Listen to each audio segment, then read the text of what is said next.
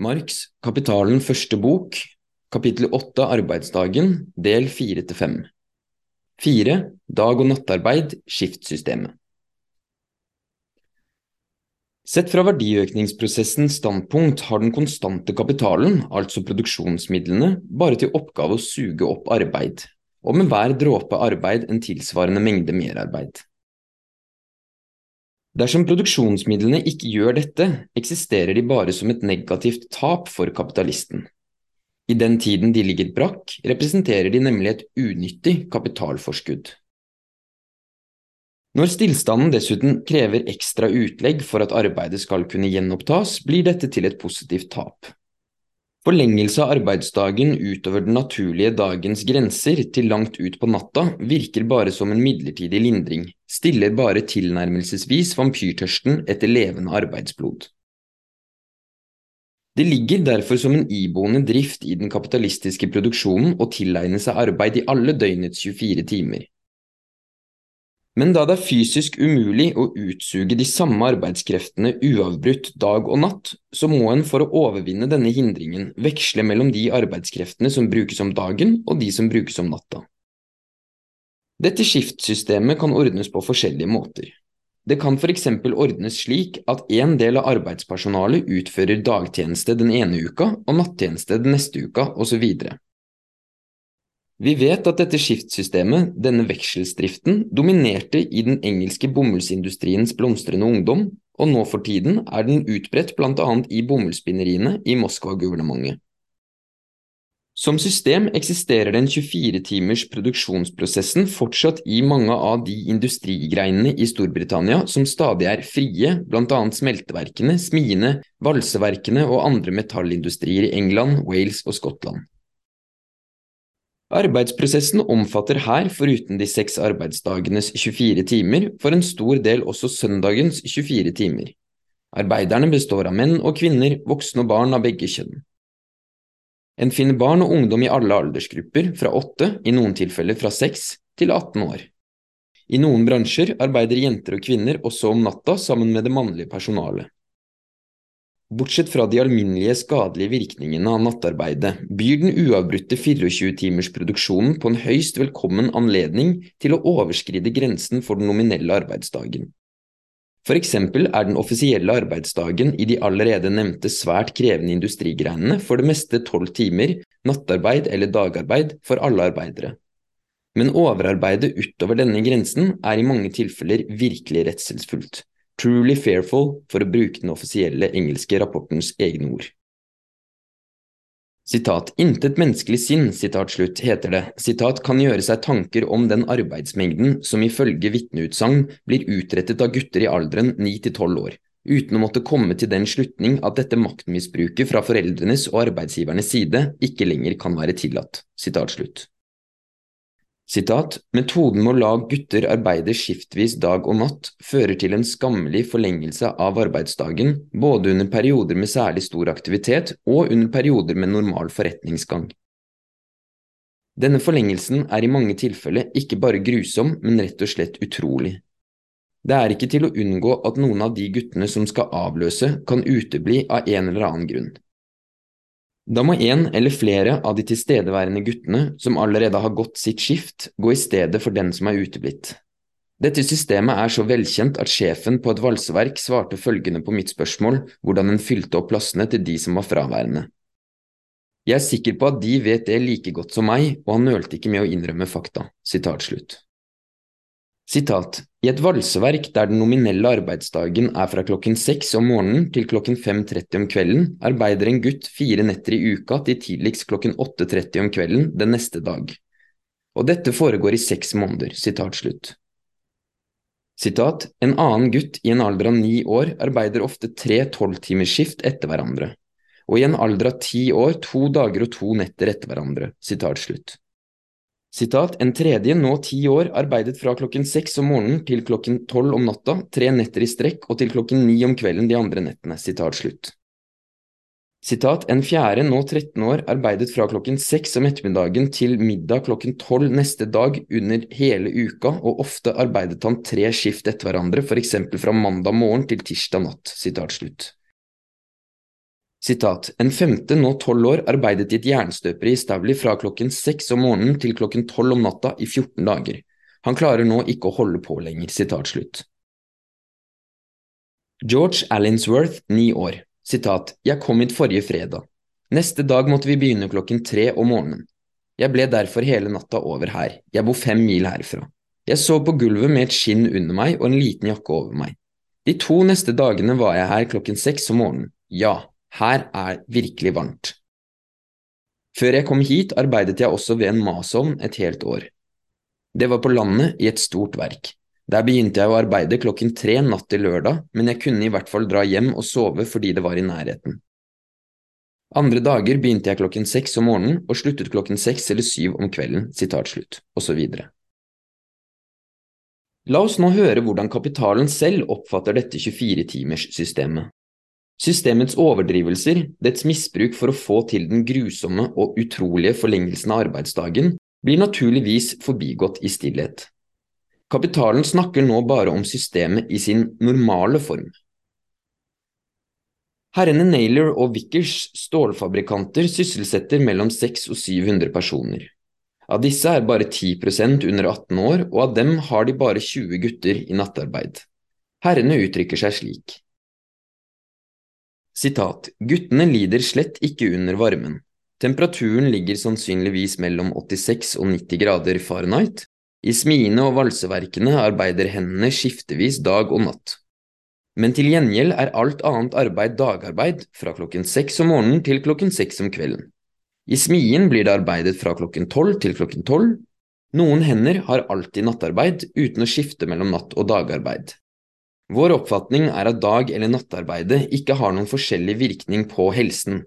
Parentes helsen til herrene Naylor og Wickers? spørsmålstegn, parentes slutt. Og sannsynligvis sover folk bedre om de alltid får sove til samme tid av døgnet, enn om de skifter. Cirka 20 gutter under 18 år arbeider sammen på nattskiftet. Vi ville ikke klare oss bra, not well do, hvis ikke disse ungdommene under 18 år jobbet nattskift. Vår innvending er økning av produksjonskostnadene. Det er vanskelig å få dyktige hender og formenn, men ungdom kan en få så mange en vil av. Men i betraktning av at vi sysselsetter så få unge, ville naturligvis ikke en innskrenkning av nattarbeidet være av så stor betydning eller interesse for oss. Herr J. Ellis i firmaet John Brown Co., stål- og jernverk, som sysselsetter 3000 menn og gutter, delvis med tungt jern- og stålarbeid, dag og natt i skift, forteller at i det tyngre stålarbeidet går det én til to gutter på to voksne menn.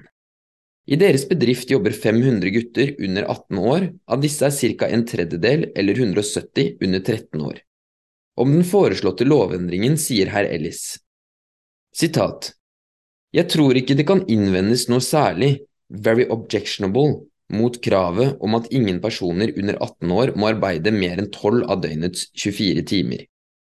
Men jeg tror ikke at den kan trekke noen grense for hvorvidt gutter over 12 år kan trenges til nattarbeid.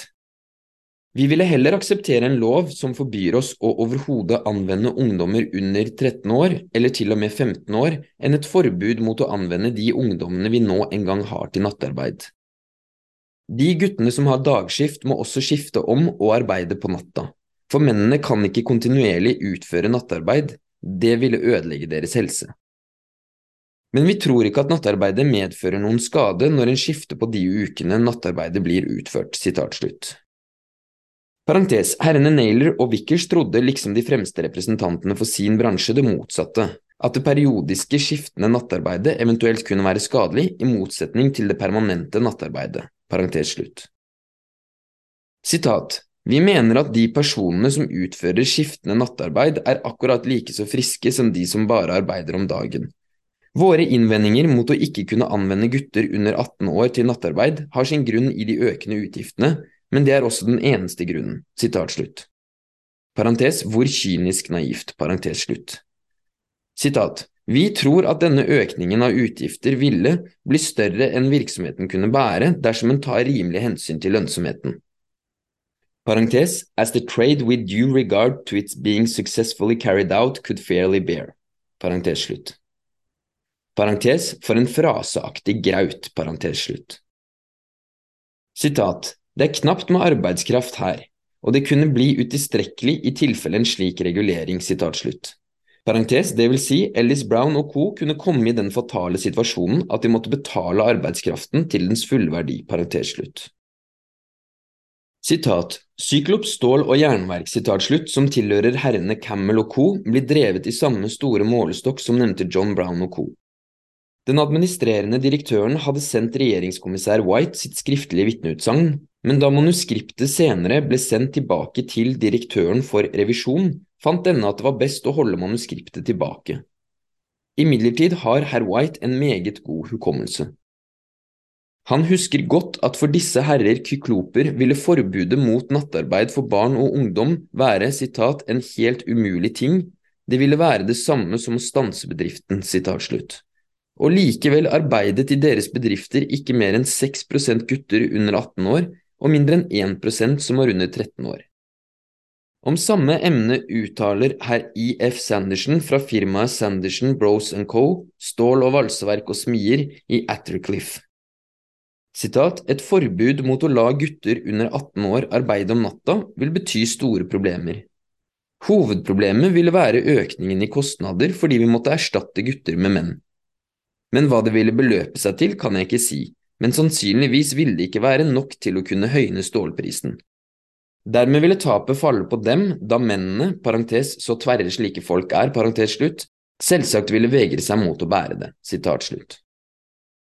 Herr Sanderson vet ikke hvor mye han betaler barna, men sitat, kanskje det dreier seg om fire til fem skilling i uka? Guttearbeidet er av en slik art at deres krefter vanligvis, parentes vanligvis selvsagt ikke alltid, i det enkelte tilfeller, parentes slutt, er tilstrekkelig. Mennenes større styrke ville derfor ikke bety noen gevinst i forhold til tapet, eller i hvert fall bare i de få tilfellene der metallet er svært tungt. Mennene ville dessuten bli misfornøyde hvis de ikke hadde noen gutter under seg, da menn er mindre tilbøyelige til å adlyde ordre. Dessuten må guttene starte som små for å lære seg yrket. Om guttenes arbeid skulle bli innskrenket til bare dagarbeid, ville dette formålet ikke bli oppfylt. Og hvorfor ikke? Hvorfor kan ikke gutter lære sitt håndverk om dagen, hva kan du gi som grunn? Sitat, for de mennene som under ukene med skift snart jobber dagen, snart natta, ville bli atskilt fra guttene halve tiden.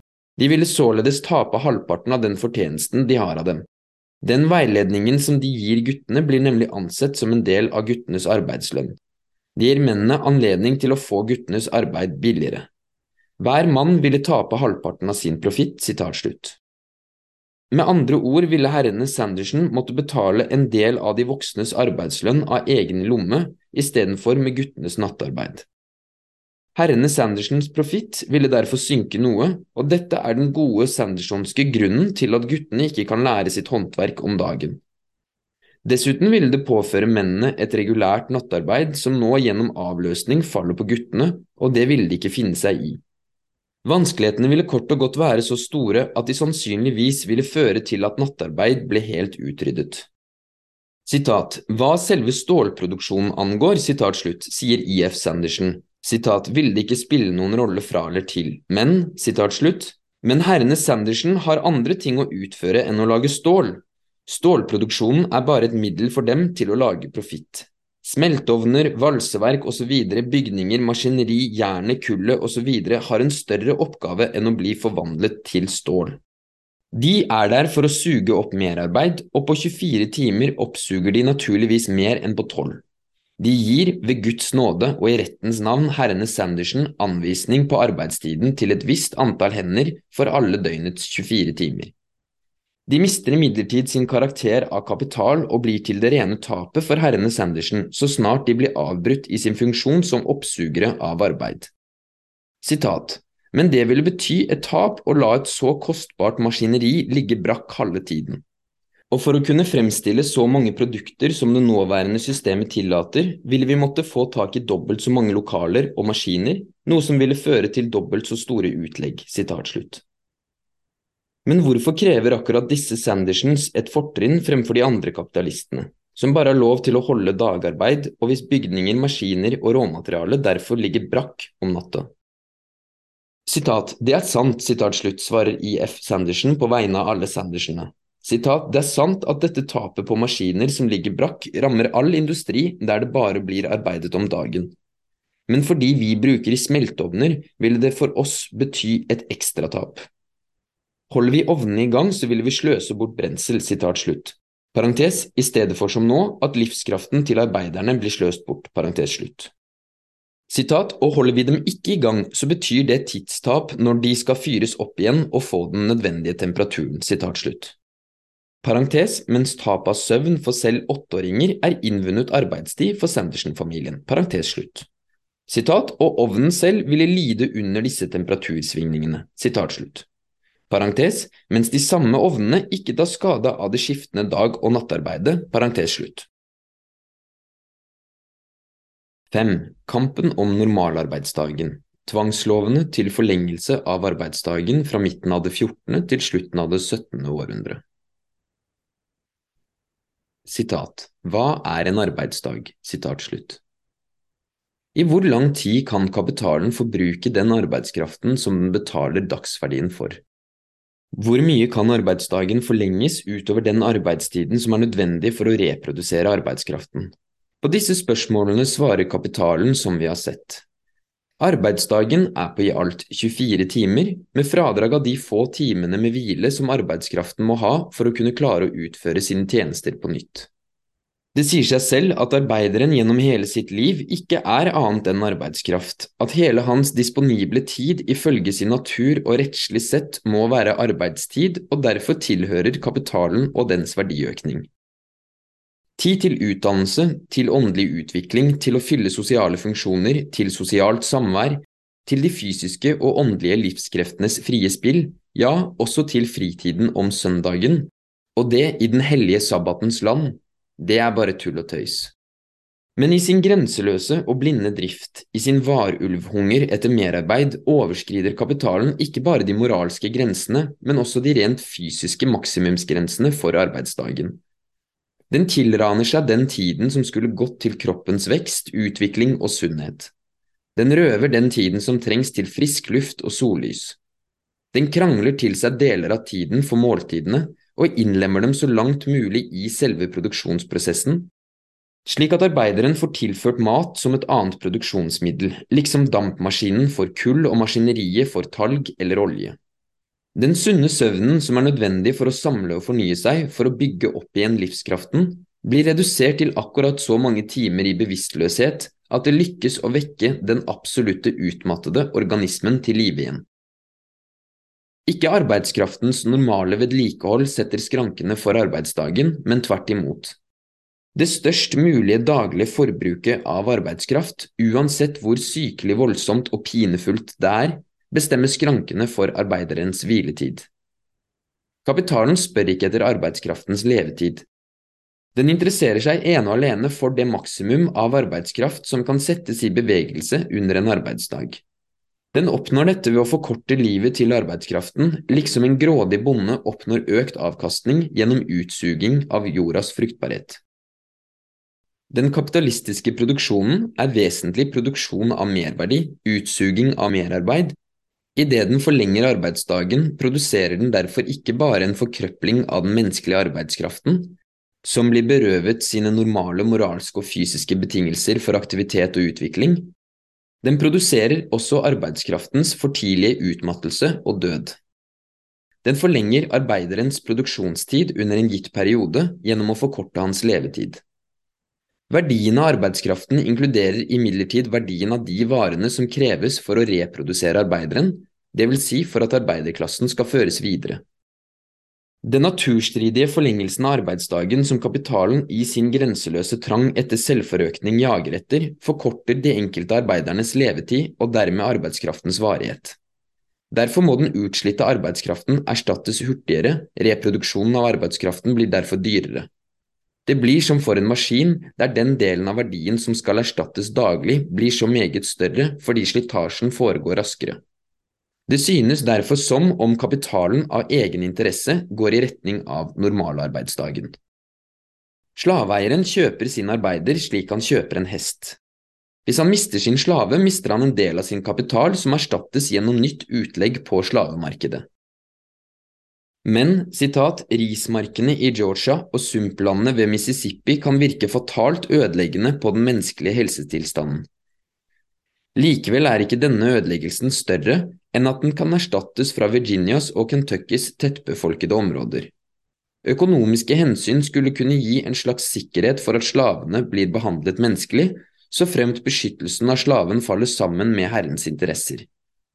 Etter innføringen av slavehandelen ble omvendt økonomiske hensyn årsaken til den mest ekstreme tilintetgjørelse av slaver. For så snart slavens plass straks kan dekkes gjennom tilførsler fra fremmede negermarkeder, blir varigheten av hans liv mindre viktig enn produktiviteten så lenge livet varer. I land med slaveimport er det derfor en grunnregel for slavehusholdningen at den mest effektive økonomi består i å presse ut en størst mulig mengde arbeid av menneskekvege, human cattle, på kortest mulig tid. Særlig på tropiske plantasjer, der den årlige profitten ofte er like stor som plantasjens samlede kapital, blir negerlivet ofret på den mest hensynsløse måte. Plantasjer i Vest-India som gjennom århundrer har vært kilden til utrolige rikdommer, har oppslukt millioner av den afrikanske rasen. I dag er det på Cuba, der inntektene regnes i millioner og plantasjeeierne lever som fyrster, at slaveklassen blir utsatt for det mest utmattende og vedvarende slit. Bortsett fra den dårlige kosten går hvert år en stor del av dem direkte til grunne av overarbeidets langsomme tortur samt mangel på søvn og rekreasjon. Mutato nomine dt fabula narratur. Under et annet navn blir det her fortalt om deg. Les arbeidsmarked istedenfor slavehandel, Irland og jordbruksdistriktene i England, Skottland og Wales istedenfor Kentucky og Virginia, og Tyskland istedenfor Afrika. Vi har hørt hvordan overarbeidet utrydder bakerne i London, og likevel er arbeidsmarkedet i London til enhver tid overfylt med tyske og andre dødskandidater til bakeriene. Og som vi så, er pottemakeriet en av de industrigrenene der levealderen er kortest. Er det av den grunn mangel på pottemakere?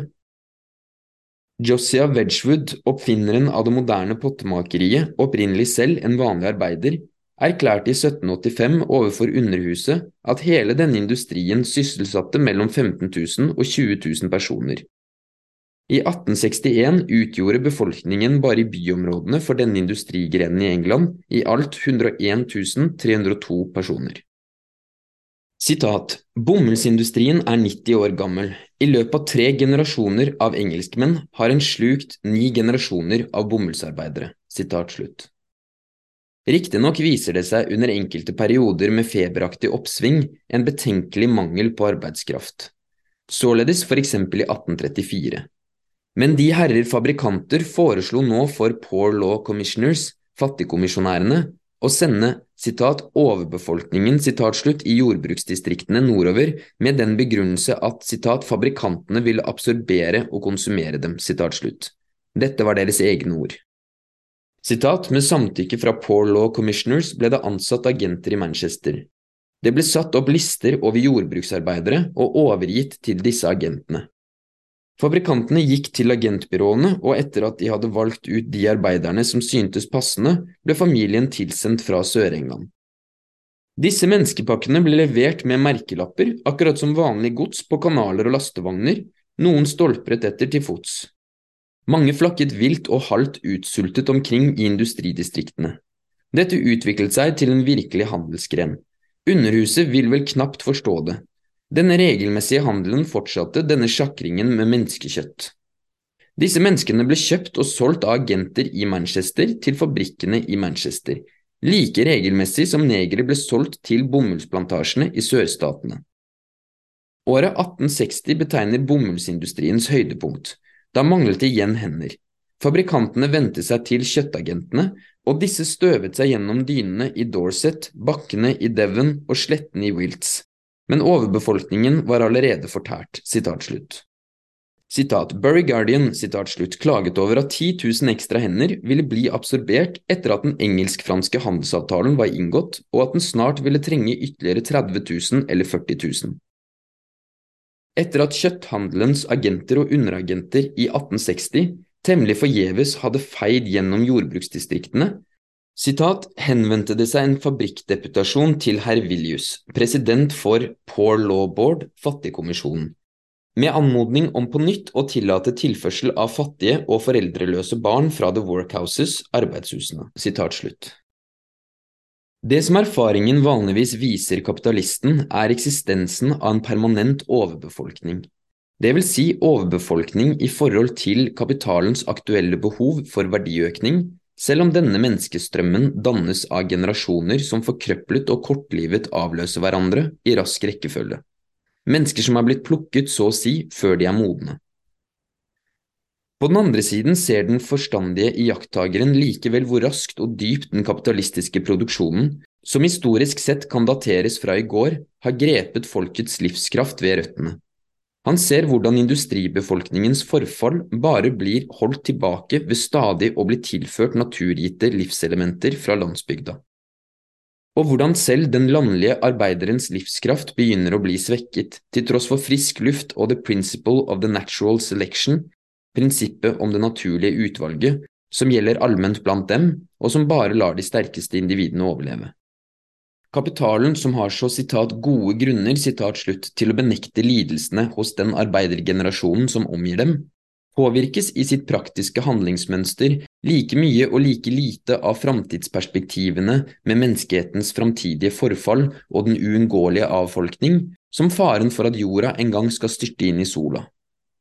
Under hver aksjesvindel vet alle at uværet en gang må bryte løs, men hver enkelt håper at de treffer naboens hode etter at den selv har fanget opp gullregnet og brakt det i sikkerhet. Après moi le deluge, etter meg kommer syndefloden, er slagordet til enhver kapitalist og enhver kapitalistnasjon. Kapitalen er derfor hensynsløs mot arbeidernes sunnhet og livslengde hvis den ikke av samfunnet tvinges til å ta hensyn. Da det ble klaget over den fysiske og åndelige forkrøplingen, den for tidlige død, overarbeidets tortur, svarer kapitalen. Hvorfor skulle denne lidelse plage oss, da den jo forøker vår lyst, profitt? Men i det store og hele blir ikke dette bestemt av den enkelte kapitalistens gode eller onde vilje. Den frie konkurransen lar den kapitalistiske produksjonens iboende lover gjøre seg gjeldende som en ytre tvangslov overfor den enkelte kapitalisten. Fastsettelsen av normal arbeidsdag er resultatet av mange århundrers kamp mellom kapitalist og arbeider, men denne kampens historie oppviser to motsatte tendenser. En kan eksempel sammenligne den engelske fabrikklovgivningen fra vår tid med de engelske arbeidsstatuttene fra det 14. til langt inn i midten av det 18. århundre. Mens den moderne fabrikkloven tvinger gjennom en forkortning av arbeidsdagen med makt, forsøker de gamle statuttene å tvinge gjennom en forlengelse med makt. Riktignok virker kapitalens krav i dens første embryonale fase svært beskjedne, vil si i den fase den blir til. Under denne fasen kan den altså ennå ikke sikre seg en tilstrekkelig mengde merarbeid gjennom bare de økonomiske forholdenes makt, men må også ta statsmakten til hjelp for å sikre seg retten til å suge opp arbeid. Dens krav virker da svært beskjedne sammenlignet med de innrømmelser som den knurrende og motstrebende må avfinne seg med i sin voksne alder. Det varer århundrer før den frie arbeideren som følge av den utviklede kapitalistiske produksjonsmåten frivillig går med på, vil si blir samfunnsmessig tvunget til å selge hele sin aktive levetid, ja hele sin arbeidsevne til en pris som dekker de vanlige nødvendige livsmidler, altså å selge sin førstefødselsrett for en rett linser. Det er derfor naturlig at den forlengelsen av arbeidsdagen som kapitalen fra midten av det 14. til slutten av det 17. århundre med statsmaktens hjelp prøver å påtvinge de voksne arbeiderne, omtrent faller sammen med den begrensningen av arbeidstiden som staten under annen halvdel av det 19. århundre enkelte steder foretar for å forhindre at barneblod blir forvandlet til kapital.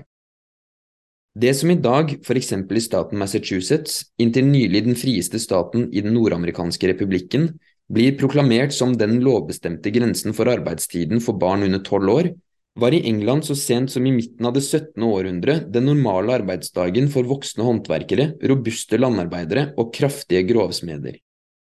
Den første Statute of Labourers, 23 Edvard 3. 1349, hadde sin umiddelbare foranledning parentes, ikke sin årsak for lovgivning av dette slaget fortsetter gjennom århundrene uten noen slik foranledning, parentes slutt, i den store pesten, som desimerte befolkningen i en slik grad at en Torry-forfatter sier sitat, vanskelighetene med å få arbeidere til rimelige priser, sitat slutt, parentes det vil si priser som gir brukerne av arbeidet et rimelig kvantum merarbeid, parentes slutt, sitat faktisk ikke var til å holde ut, sitat slutt.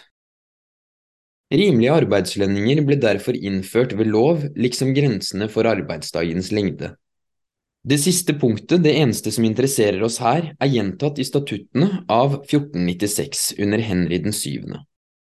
For alle håndverkere, artificers og landarbeidere skulle i perioden mars til september arbeidsdagen være fra klokken fem om morgenen til klokken syv og åtte om kvelden, noe som riktignok aldri ble gjennomført. Spisepausene utgjorde én time for frokost, en og en halv time for middag og en halv time for kveldsmat, altså akkurat dobbelt så mye som i den fabrikkloven som gjelder nå. Om vinteren skulle det arbeides fra klokken fem om morgenen til det ble mørkt, og med de samme pausene. En statutt utstedt av Elisabeth i 1562, og som gjelder for alle arbeidere, sitat, leid for dags- eller ukelønn, sitat slutt, lar arbeidsdagens lengde stå uberørt, men går inn for å begrense pausene til to og en halv time om sommeren og to om vinteren. Middagen skal nå bare vare én time, og sitat, ettermiddagshvilen på en halv time sitat slutt, skal bare være tillatt mellom midten av mai og midten av august. For hver time med fravær skal det trekkes én penny, ca åtte fenning, i lønna. Men i praksis var forholdene langt mer fordelaktige enn det fremgår av lovboken.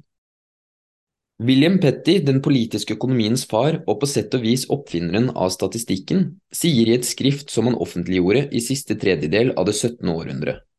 Sitat, arbeiderne, sitat slutt, parentes laboring men, den gang egentlig landarbeidere, parentes slutt, sitat, arbeider ti timer daglig og inntar 20 måltider i uka, nemlig tre måltider daglig på arbeidsdagene og to på søndagene.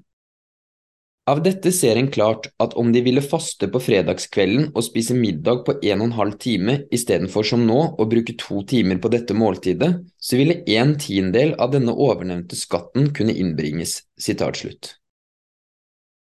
Hadde ikke doktor Andrew Ure rett da han brennmerket tolvtimersloven av 1833 som et tilbakeskritt til mørkets tidsalder? Bestemmelsene i de statuttene som Petty nevner, gjelder riktignok også for apprentices, lærlinger, men hvordan det ennå mot slutten av det 17. århundre sto til med barnearbeidet, kan en se av følgende klage. Sitat, Vår ungdom her i England gjør ingenting før ved den tiden de blir lærlinger, og da trenger de naturligvis lang tid, syv år, for å utdanne seg til utlærte håndverkere. Sitat slutt. Tyskland blir derimot rost fordi barna der fra de ligger i vogga, i hvert fall citat, blir oppdratt til lite grann arbeid. Citat. Under størstedelen av det 18. århundre frem til epoken for storindustrien var det ennå ikke lykkes den engelske kapitalen å tilegne seg hele arbeiderens uke gjennom å betale ukeverdien av arbeidskraften. Et unntak utgjør riktignok jordbruksarbeiderne. Den omstendigheten at de kunne leve en hel uke på lønnen av fire dager, forekom ikke arbeiderne å være en tilstrekkelig grunn til å også arbeide to dager til for kapitalisten. En del av de engelske økonomene sto frem på vegne av kapitalen og fordømte på det kraftigste denne egenrådigheten. En del andre økonomer forsvarte arbeiderne. La oss for eksempel høre fra polemikken mellom Postlethwaite, hvis handelsordbok den gang nøt det samme ry som lignende skrifter av McCulloch og McGregor i dag, og den tidligere siterte forfatteren av Essay on Trade and Commerce. Postlethwaite sier blant annet, sitat, jeg kan ikke avslutte disse få bemerkningene uten å ta opp den forslitte talemåten som altfor mange kommer med. At når en arbeider, industrious poor, i løpet av fem dager tjener nok til å leve av, så vil han ikke arbeide i seks dager.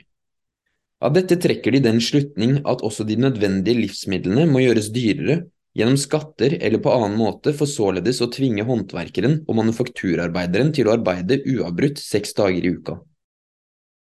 Jeg må be om lov til å være av en annen mening enn disse store politikere som kjemper for arbeiderbefolkningens permanente slaveri i dette kongeriket. The perpetual slavery of the working people.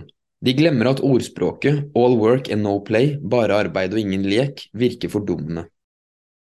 Brysker ikke engelskmennene seg over deres håndverkeres og industriarbeideres dyktighet og hendighet, som til nå har skaffet de britiske varene kreditt og godt omdømme? Hva skyldes dette? Sannsynligvis ikke annet enn den måten som vårt arbeidsfolk innretter sin fritid på, etter eget lune. Om de hadde vært tvunget til å arbeide hele året gjennom, alle seks dager i uka, i stadig gjentagelse av det samme arbeidet, ville ikke det virke nedbrytende på deres dyktighet og gjøre dem dumme og trege i stedet for muntre og raske, og ville ikke våre arbeidere som følge av et slikt evig slaveri miste sin berømmelse istedenfor å bevare det? Hva slags dyktighet kunne vi vente oss av så hardt pressede dyr, hard driven animals? Mange av dem utretter like mye arbeid på fire dager som en franskmann på fem eller seks. Hvis engelskmenn skulle være evige treller, så er det grunn til å frykte at de ville forfalle, degenerate, til et nivå under franskmennene. Når våre folk er berømte for sin tapperhet i krig, sier vi ikke da at dette på den ene siden skyldes den gode engelske roastbiffen og puddingen i magen, og på den andre siden, men ikke mindre, vår konstitusjonelle frihetsånd, og hvorfor skulle ikke våre håndverkeres og industriarbeideres større dyktighet, ferdighet og energi skyldes den frihet som de har når de anvender fritiden på sin egen måte? Jeg håper de aldri mer vil miste disse privilegiene og heller ikke de gode livsvilkår som er resultatet av deres arbeidsdyktighet i like høy grad som av deres mot. Sitat slutt. Til dette svarer forfatteren av Essays on Trade and Commerce. Sitat. Om helligholdelsen av den syvende dagen i uka går for å være en guddommelig innretning, så innebærer dette at de andre ukedagene tilhører arbeidet. Parentes, han mener kapitalen, som vi straks skal se. Parentes slutt. Sitat, og en kan ikke klandre den personen for å være grusom som vil tvinge gjennom dette Guds bud. At menneskene generelt har en naturlig hang til bekvemmelighet og lathet, dette har vi fått fatale vitnesbyrd om gjennom oppførselen til vår industripøbel, som i gjennomsnitt ikke arbeider mer enn fire dager i uka, med mindre livsmidlene blir dyrere. La oss anta at en bussel hvete som vi kan si representerer alle livsmidlene til arbeideren, koster fem skilling. Arbeideren tjener én skilling om dagen gjennom sitt arbeid. Da trenger han bare å arbeide fem dager i uka. Hvis en bussel koster fire skilling, trenger han bare fire dager. Men da arbeidslønnen her i kongeriket er høy sammenlignet med prisene på livsmidler, så har industriarbeideren etter fire dagers arbeid et pengeoverskudd som han kan leve på uten å arbeide resten av uka. Jeg håper at jeg har sagt nok til å gjøre det klart at moderat arbeid seks dager i uka ikke er slaveri. Vår jordbruksarbeider gjør dette, og tilsynelatende hører de til de lykkeligste blant våre arbeidere, laboring poor. Men hollenderne har også gjennomført det i industrien, og de ser ut til å være et meget lykkelig folk. Franskmennene gjør det også, i den grad ikke alle deres helligdager kommer imellom. Men vår pøbel har fått den fikse ideen at det tilkommer ham det medfødte privilegium som engelskmann å være friere og mer uavhengig enn arbeidsfolket i noe annet land i Europa. Denne ideen kan være nyttig for så vidt den innvirker på tapperheten hos våre soldater, men jo mindre industriarbeiderne er påvirket av den, desto bedre for dem selv og staten. Arbeidere skulle aldri regne seg som uavhengig av deres foresatte, independent of their superiors. Det er overordentlig farlig å oppsummere mobben i en kommersiell stat som vår, der kanskje syv åttendedeler av totalbefolkningen er mennesker med liten eller ingen eiendom. Kuren bør ikke avsluttes før alle våre fattige i industrien er tilfredse med å arbeide seks dager for det samme beløpet som de nå tjener i løpet av fire dager. For dette formålet, liksom for å sitat, utrydde dovenskap, utsvevelser og romantisk frihetssvermeri, sitat slutt, videre sitat, for å redusere fattigskatten, fremme den industrielle ånd og senke prisen på arbeid i industrien, sitat slutt, foreslår kapitalens trofaste Eckhart et egnet middel. Han foreslår å ta slike arbeidere som ligger den offentlige velgjørenheten til last, altså fattiglemmer, og sperre dem inne i et citat, ideelt arbeidshus, citat slutt, an ideal workhouse. Citat, et slikt hus må gjøres til skrekkens hus, house of terror. I dette skrekkens hus, i dette ideelle arbeidshus, skal det arbeides citat, 14 timer om dagen, iberegnet passende matpauser, slik at det gjenstår 12 fulle arbeidstimer. Citat slutt. 12 arbeidstimer daglig i Ideal Workhouse i Skrekkens hus av 1770. 63 år senere, i 1833, da det engelske parlamentet senket arbeidsdagen for barn mellom 13 og 18 år til 12 arbeidstimer i fire industrigrener, da var det som om den engelske industriens dommedag var kommet. I 1852, da L. Bonaparte prøvde å få en fot innenfor hos borgerskapet ved å tukle med den lovbestemte arbeidsdagen, da ropte det franske arbeidsfolket ut som med én munn. Sitat, Loven som forkorter arbeidsdagen til tolv timer er det eneste gode vi har igjen av republikkens lovgivning. I Zürich er arbeidstiden for barn over ti år innskrenket til tolv timer. I Orgau ble i 1862 arbeidstiden for barn mellom 13 og 16 år redusert fra 12,5 til 12 timer. I Østerrike ble den i 1860 redusert til 12 timer for barn mellom 14 og 16 år. Sitat, hvilket fremskritt siden 1770, sitat slutt, ville Macaulay ha jublet sitat, med excultation, sitat slutt. Dette skrekkens hus for fattiglemmer, som kapitalsjelen ennå i 1770 bare drømte om, reiste seg få år senere som et kjempemessig arbeidshus for industriarbeiderne selv. Det var fabrikken, og denne gang bleknet idealet sammenlignet med virkeligheten.